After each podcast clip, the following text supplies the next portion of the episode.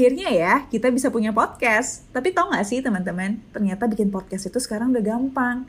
Kalian tinggal download Anchor di App Store dan Play Store kalian.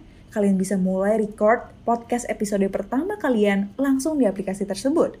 Bahkan kalian juga bisa edit podcast kalian langsung.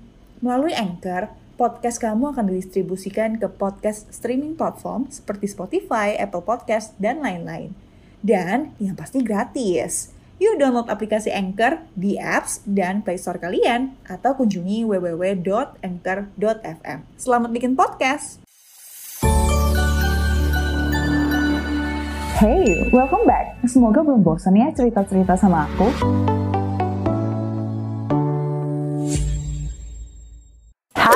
Hai, kabar baik di sini. Semoga kamu juga ya. Siapa di sini yang investor angkatan corona? Coba kasih likes dulu. Seneng sih sebenarnya banyak berkah di balik pandemi ini. Orang tuh jadi lebih aware tau dengan investasi. Entah karena kebanyakan waktu di rumah, atau mau cari tambahan income. Kalau kita lihat dari Google Trends, orang yang nyari tahu tentang saham itu naik empat kali lipat dibanding tahun lalu. Sekarang kita punya 3,5 juta investor di Indonesia dan satu setengah jutanya itu investor saham. Kamu salah satu di antaranya bukan? Nah, menurutmu setahun ke depan bisa jadi berapa nih investor Indonesia? Aku bilang amin bisa double ke 7 juta. Caranya tuh gampang, asal setiap dari kita ngajak satu orang aja untuk mulai investasi di pasar modal. Nah, di video ini aku mau ngelanjutin cerita tentang saham yang menurut aku bisa perform di 2021. Sebelumnya, di video ini aku sempat cerita kalau di saat ekonomi recover seperti tahun ini, amin, sektor cyclical seperti komoditas dan infrastruktur bakal cenderung lebih bagus menurut historical. Pertama, dari sektor komoditas yang terbagi menjadi metal, pertambangan, kelapa sawit, minyak, pulp and paper. Kalau ekonomi global, terutamanya China, sebagai market terbesar itu bisa recover, which has happened,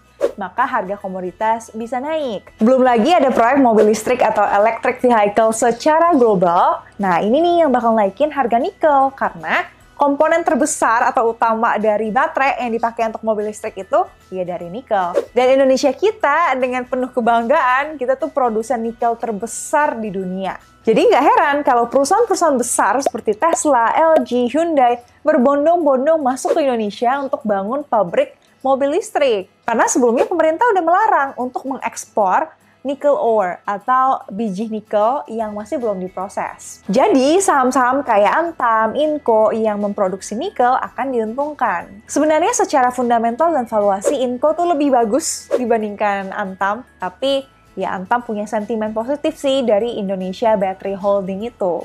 Terus sektor tambang batu bara juga berpotensi naik tuh tergantung dengan harga batu baranya. Aku pribadi tuh lebih prefer ITMG yang lebih sensitif dengan harga batu bara global dan dividennya juga tinggi. Agak beda tuh dengan PTBA yang lebih dari 50% penjualannya tuh ke PLN. Nah, belajar dari sejarah di 2018 ya. Waktu itu ketika harga batubara juga naik tinggi kan. Nah, pemerintah tuh bikin regulasi yang namanya DMO atau Domestic Market Obligation. Dia wajibin perusahaan dalam negeri batubara tuh untuk ngejual batubaranya di harga yang murah atau cap di harga tertentu ke PLN. Akhirnya ya, kita bisa punya podcast. Tapi tau gak sih teman-teman, ternyata bikin podcast itu sekarang udah gampang. Kalian tinggal download Anchor di App Store dan Play Store kalian, kalian bisa mulai record podcast episode pertama kalian langsung di aplikasi tersebut. Bahkan kalian juga bisa edit podcast kalian langsung. Melalui Anchor, podcast kamu akan didistribusikan ke podcast streaming platform seperti Spotify, Apple Podcast, dan lain-lain.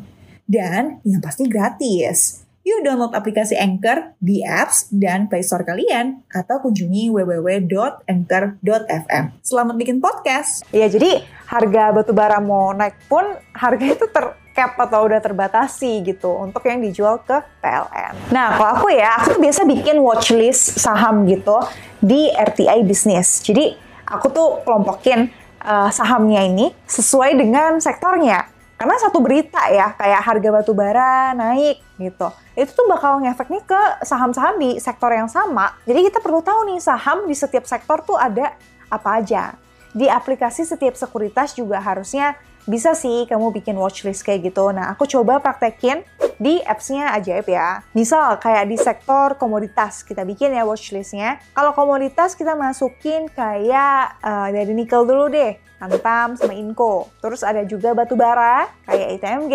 PTBA, Adaro, Harum, Indi, uh, kemudian minyak kayak Medco, Elsa, uh, bisa juga kelapa sawit kayak Ali dan Elsip dan oh ya Pulp and Paper, Tekim sama INKP. Nah kalau di Ajaib ini dia tuh ada fitur yang namanya Price Alert gitu. Nah semua saham yang ada di watchlist yang kita udah bikin nih barusan, kalau harganya itu naik atau turun lebih dari 3%, dia bakal ada notifikasinya juga tuh, namanya price alert. Nah ini lumayan bantu sih untuk reminder menurut aku. Sektor kedua yang bakal perform menurut aku adalah infrastruktur dengan adanya Sovereign Wealth Fund atau SWF yang modalnya bisa sampai 75 triliun di akhir 2021, ini bakal ngebantu banget perusahaan-perusahaan yang bangun jalan tol dan bangun infrastruktur. Sekarang tuh ya, tau nggak, ada yang namanya turnkey project. Nah ini tuh proyek-proyek strategis yang pemerintah tugaskan tuh, eh waskita, eh PTPP bangun ya proyek ini